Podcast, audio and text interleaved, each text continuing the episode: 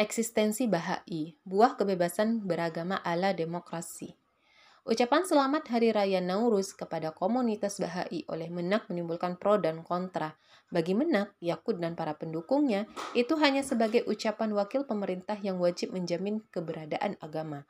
Meskipun tidak termasuk dalam enam agama yang diakui di Indonesia, tindakan tersebut juga dianggap tak menyalahi prinsip demokrasi di mana setiap warga negara bebas memilih agama yang diyakininya dan negara harus menjaminnya, meski dikatakan agama tersebut sesat dan menyesatkan. Di sisi lain, pihak yang kontra seperti Ketua PP Muhammadiyah dan MUI khawatir akan muncul kecemburuan sosial bagi umat agama lain yang statusnya sama-sama tidak diakui di Indonesia, sehingga meminta pemerintah disiplin mengikuti aturan yang ada. Selain itu, Ketua MUI Sumatera Barat Buya Guzrizal Gazahar DT Palimo Basa menegaskan bahwa esensi dari agama Bahai merupakan ajaran sesat yang menodai ajaran Islam dan menjadi pintu masuk musuh untuk merusak umat Islam. Kebebasan beragama tersebut membuat negara justru seperti memberi peluang bagi siapa pun untuk keluar dari agamanya dan memeluk agama baru. Begitupun yang terjadi pada kaum muslimin. Banyak yang menanggalkan akidahnya demi menjajaki agama baru.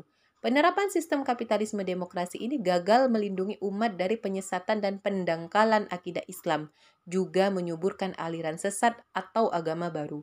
Dalam khilafah, negara wajib menjaga akidah umat Islam dari berbagai penyimpangan, pendangkalan, serta penyesatan, yaitu dengan menghentikan aktivitas kelompok atau organisasi sesat yang ada, menetapkan sanksi tegas bagi mereka yang murtad, mengaku sebagai nabi, menistakan Islam dan ajarannya, Negara juga memberikan pendampingan dan pembinaan agar orang-orang yang terlanjur ikut ajaran tersebut bisa bertaubat kembali kepada Islam.